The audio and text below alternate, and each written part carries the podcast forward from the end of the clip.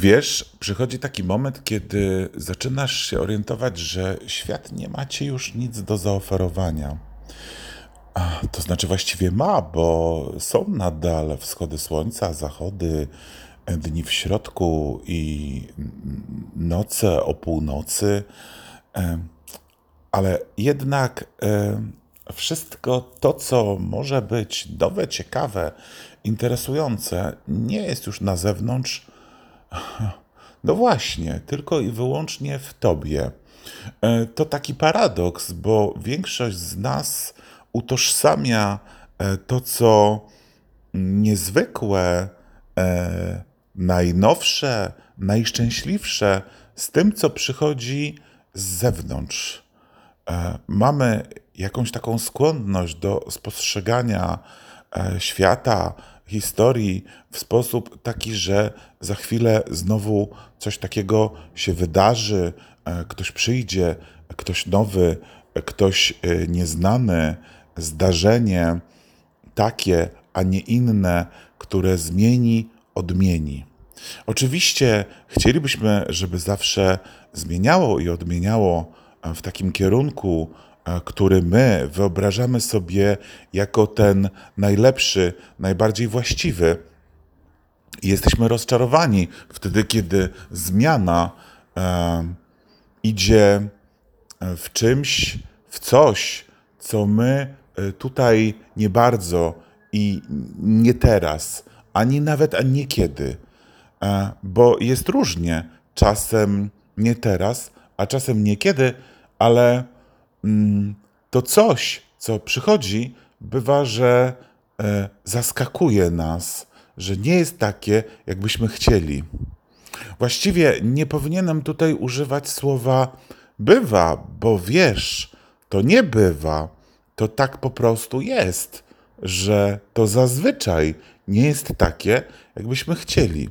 Bo my mamy, nie wiem, czy też masz takie wrażenie, my mamy taką skłonność do spostrzegania historii jako jakichś zamkniętych e, projektów, tej historii przyszłej, bo wiesz, mamy dwa rodzaje historii. E, historię przeszłą, nad którą kompletnie nie panujemy i kompletnie nie, mają, nie mamy na, niej, e, na nią żadnego wpływu, i historię przyszłą, co do której naiwnie wydaje nam się, że nad nią właśnie panujemy.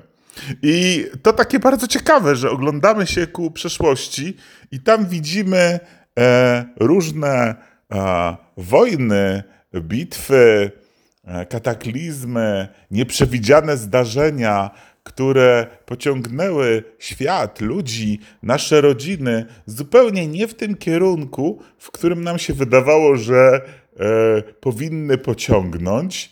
A tymczasem, jeśli chodzi o historię przyszłą, o to, co ma się wydarzyć, to zupełnie naiwnie sądzimy, że będzie dokładnie tak, jak sobie zaplanujemy.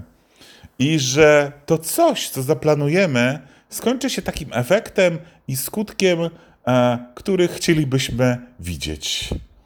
I spostrzegamy nasze, nasze życie jako takie odcinki, jakieś stopnie, które mają nas prowadzić do e, tajemniczego, e, a może i nie, może niektórzy ludzie nie, nie, nie spostrzegają tego wcale jako coś tajemniczego. Może ja to tak widzę, ale no powiedzmy sobie, e, niezwykłego ogrodu wielkiej szczęśliwości, mitycznego zbawienia,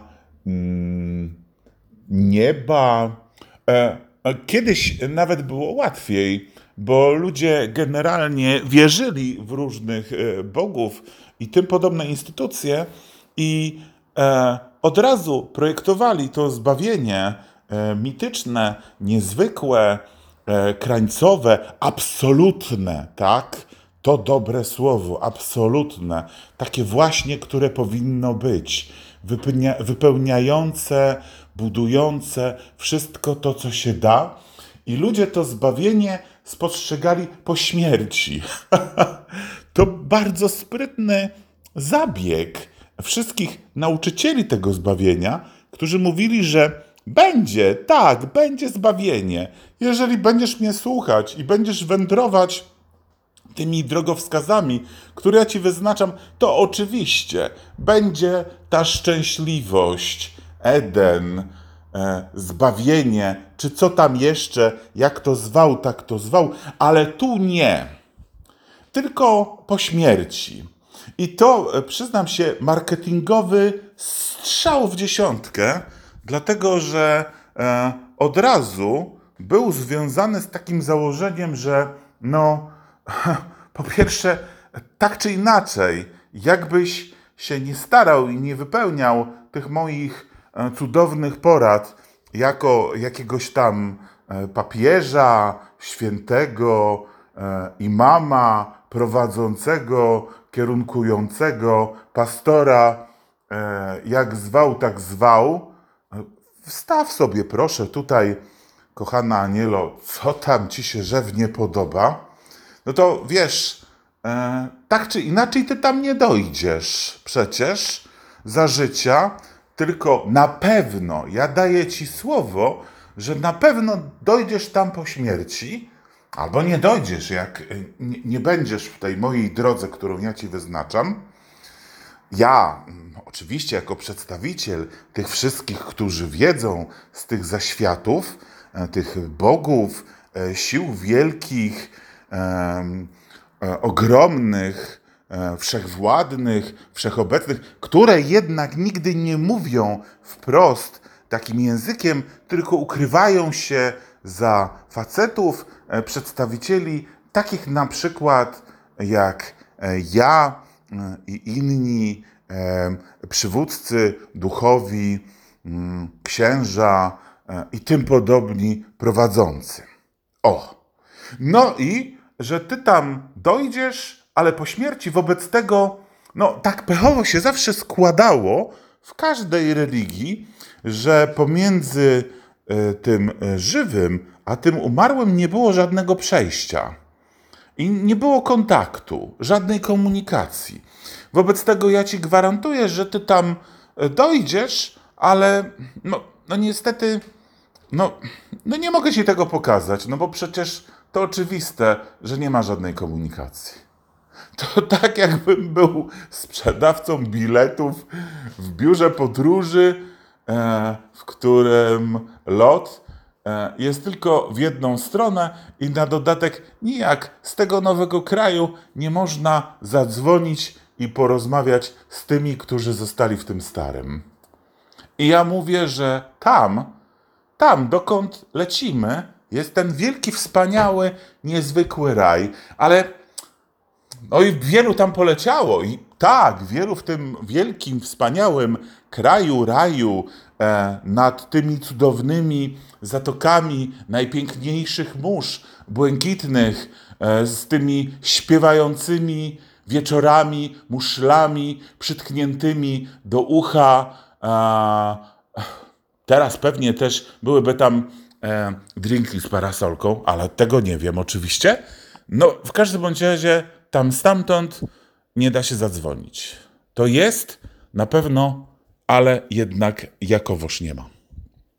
No i wyobraź sobie, że w którymś momencie jakoś wszystko to pokazuje się nieprawdą, nieprawdziwością, ulotnością, takim projektem bez projektu, bo przecież nawet wtedy, kiedy dochodzimy i dążymy i osiągamy, to okazuje się, że e, niewiele to zmienia. Wiesz, e, kiedyś jak byłem młodszy, to zastanawiałem się, jak tak naprawdę może wyglądać niebo. I właściwie doszedłem do wniosku, że musi to być bardzo nudne, i nieszczęśliwe miejsce. Hmm. Ludzie, a właściwie ich dusze, chodzący, śpiewający, modlący się, ale po co? No, nie jedzący, bo przecież dusze nie jedzą, nie mają takiej potrzeby, żeby jeść. Wobec tego nie czujący różnych y, przyjemności, No i nieprzyjemności też, ale chodzi o te przyjemności związanych z ciałem. E, dusze e, nie e, kopulujące, nie orgazmujące, dusze nie przytulające się do siebie nawzajem, dlatego że przecież to, co się w nas przytula, to ciało, to nasza cielesność, wprawdzie cierpiąca i wiecznie nieszczęśliwa, chorująca na coś, starzejąca się i gnijąca, jest tym czymś najcudowniejszym w istocie rzeczy, bo to również ta cielesność e, dostaje przyjemność, fascynację, możliwość oglądania tego wszystkiego, co ciekawe, kolorowe, zmienne, wsłuchiwania się w tego i dotykania. A ta dusza bez tego ciała to jak cień przesuwający się właściwie nie wiadomo po co, bez żadnego znaczenia, a po ścianie, nocą, jedynie czasem, straszący może swoim nagłym przesunięciem jakieś siedzące na tej ścianie pająki. I tak też sobie to wyobrażałem. To niebo, w którym te nasze dusze snują się bez celu, ładu i składu, śpiewając, a właściwie udając, że śpiewają, bo przecież do śpiewania jak najbardziej ciało a, jest potrzebne. Ten pęd powietrza wydostającego się z naszych płuc, które ma przechodzić przez te wszystkie cudowne partie gardła i a, wydobywać z siebie a, te tony, harmonię dźwięków, sił, wibracji. Do tego zdecydowanie potrzebne jest ciało. Wobec tego te dusze, im tylko wydaje się i tylko broczy się może gdzieś tam w środku ich samych, co one tam mają, nawet nie wiem, co taka dusza mieć może bez ciała. Zdawanie, udawanie, nadawanie czegoś w sobie w środku, że oto śpiewa. No właśnie. I to wszystko takie niby ukierunkowane, niby ucelowane, a zarazem zupełnie bez celu. Trochę tak jak te nasze dni w życiu, kiedy wydaje nam się, że jest jakiś projekt e, od początku do końca, coś warto zrobić, pójść, e, powiedzieć komuś, zapracować, przesunąć. I jak my to coś, to wtedy to coś zupełnie inaczej. My tak naiwnie myślimy, właściwie w każdej dziedzinie, że wtedy, kiedy mm, zbudujemy ten dom, e, zaprzemy to coś, e, stworzymy, sprzedamy, postawimy, to to coś jakoś bardzo zmieni i to już wtedy wszystko wokół będzie tym czymś wielkim, szczęśliwym, e, jedynym, skończonym. A potem przecież okazuje się, że to e, nic nie zmienia. I wiele ludzi e, ma tak, że kiedy już wybudowało ten jeden dom, to myśli sobie, to, to może ten drugi dom, a może to jeszcze bardziej będzie jakoś inaczej, kiedy nie jedno coś, tylko dziesięć coś, to to wtedy będzie tym czymś bez czegoś i tego dlaczegoś. Wybacz, proszę, droga Anielu, że tak ci to mówię. Zawsze podziwiam Twoją cierpliwość w takich sytuacjach, ale też wiesz, że ja tak trochę kręcę. Być może ułatwiałoby mi, gdybyś, kochana, gdybyś zadawała mi jakieś pytania, e, to byłoby dla mnie bardzo dobrym. Twoje pytania nakierunkowujące mnie w tych wszystkich opowieściach i być może, że przyszpilające e, mój tok myślenia tak, żebym ja e, tłumaczył ci pewne rzeczy prościej, które oczywiście ty chcesz poznać, pod warunkiem, że ty chciałabyś poznać te rzeczy prościej. No, wiem, że ty nie możesz, bo przecież tak naprawdę nie żyjesz. I ja to wszystko opowiadam ci, a właściwie nie tobie. Właściwie mówię to wszystko do ciebie, do czegoś takiego w moim sercu, co tobą gdzieś głęboko e, być może jest. A właściwie, biorąc pod uwagę, że przecież nie żyjesz od tylu lat, wybacz mi proszę, że tak ci powiem. Właściwie mówię to wszystko do takiej części w mojej duszy, która mogłaby tobą być. Ja nawet nie wiem, czy ona tak naprawdę tobą jest. Bo wiesz, kochana, to tak dawno było, że ja czasami mam takie wrażenie, że nie było ciebie naprawdę. Wiesz, e, oglądam twoje zdjęcia i widzę, pamiętam dużo, ale zarazem to wszystko jest jakieś takie mało realne, takie jakby mi się tylko śniło, jakbym tylko to wymyślił, jakbym stworzył ciebie na pożytek jakiejś opowiadanej historii, jakbyś właśnie wtedy, w tamtym czasie e, pasowała mi do czegoś w moim życiu. I wiesz, czasem ludzie pytają mnie, e, po co był nasz związek i co w jego wyniku.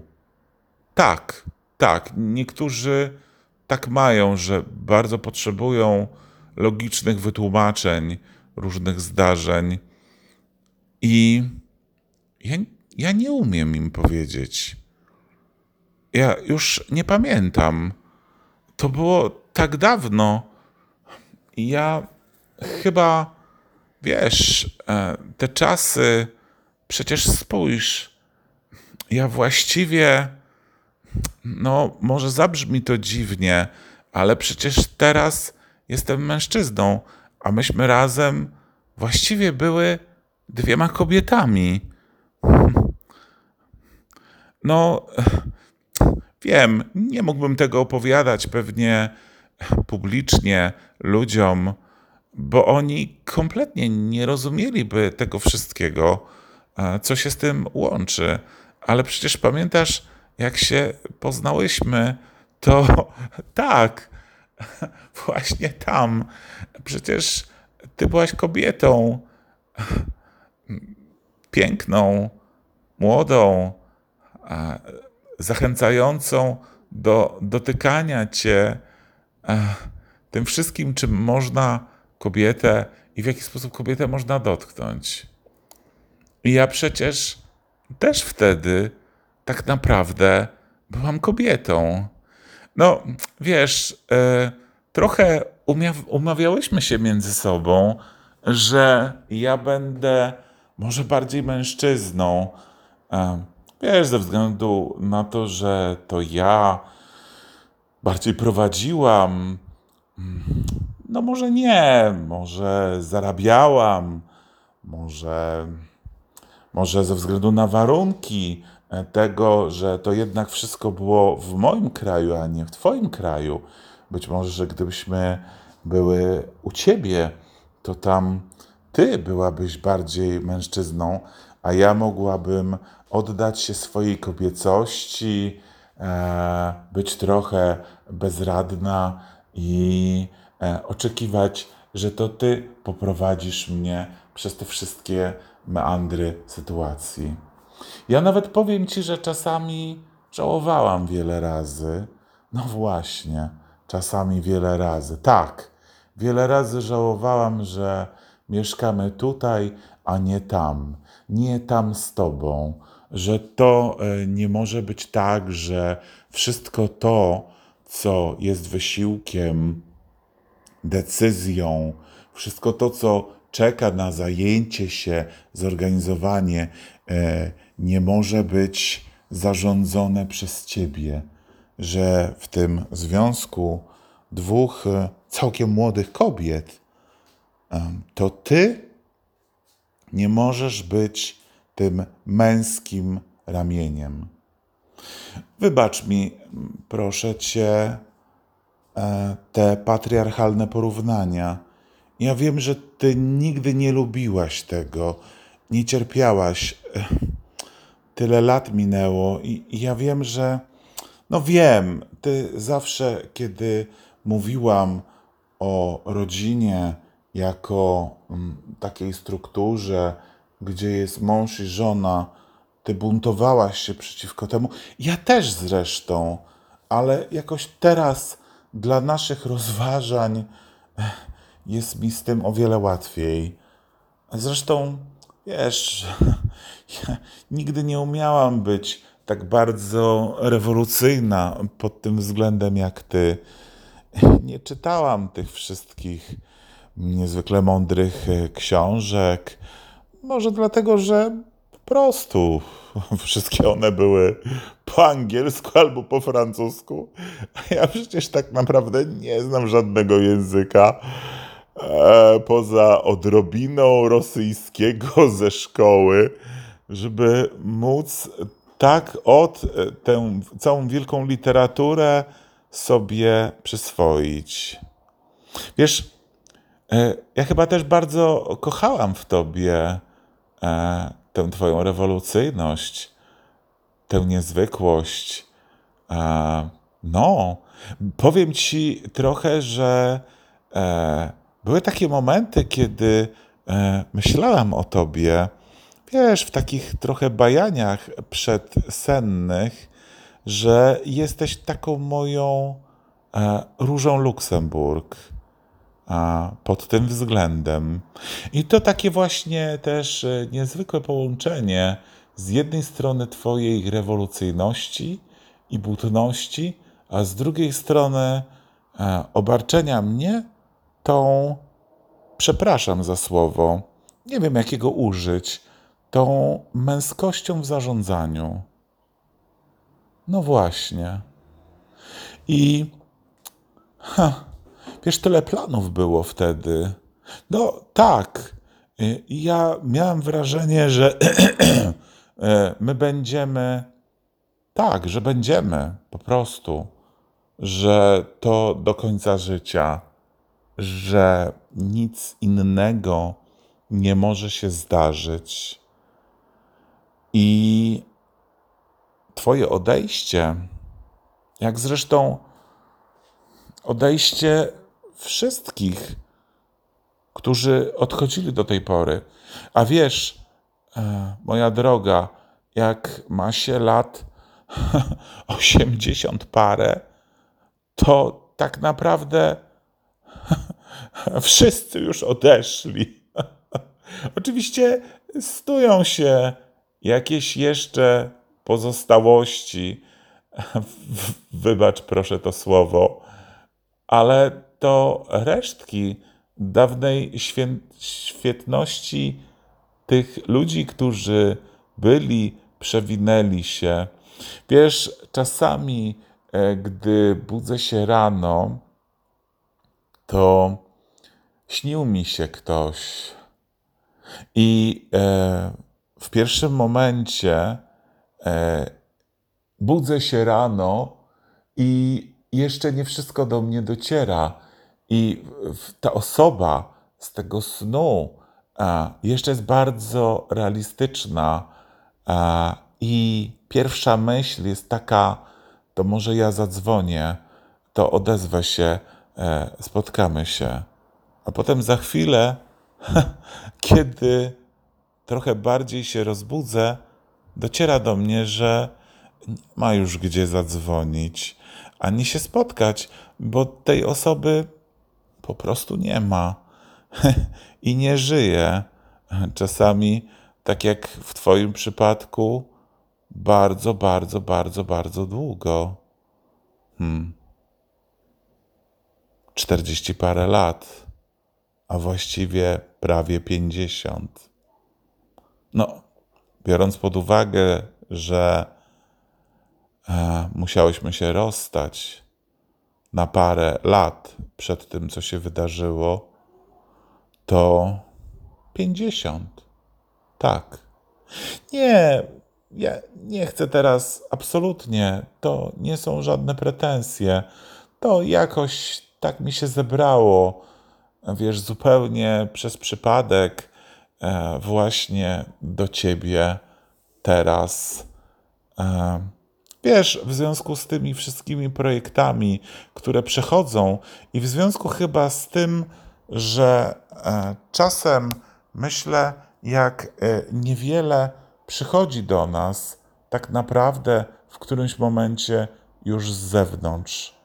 Wiesz, e, kiedy je się coś nowego, przeżywa się coś nowego, czyta się coś nowego, słyszy się coś nowego, a tak naprawdę okazuje się, że to już nic nowego nie jest, że nie ma nowości. E, to bardzo szybko Zwłaszcza, nie wiem czemu, może to starość. Zwłaszcza e, kiedy e, zapraszają mnie czasami, wiesz, Emilia, Odeta, Artur e, do jakiejś restauracji i ta restauracja według nich, no właśnie, to bardzo silnie mi wychodzi w jedzeniu. I ta restauracja według nich jest jakimś odkryciem, jest jakąś nowością. I w tej restauracji podają coś o niezwykłej nazwie, a ja to jem i mam takie wrażenie, że już kiedyś to jadłam, może bardzo dawno, ale znam ten smak, no bo przecież wszystko tak naprawdę e, już było i, i, i tylko krąży, i tylko się przewija. I tak jest w zasadzie w każdej dziedzinie e, książek, teatrów, muzyki. Z czasem wszystko niezwykle powtarza się. Tak jak nasze życia, tak jak nasze e, romanse i tak jak nasze rozmowy. Czy pamiętasz, kiedy pierwszy raz prowadziliśmy tę rozmowę?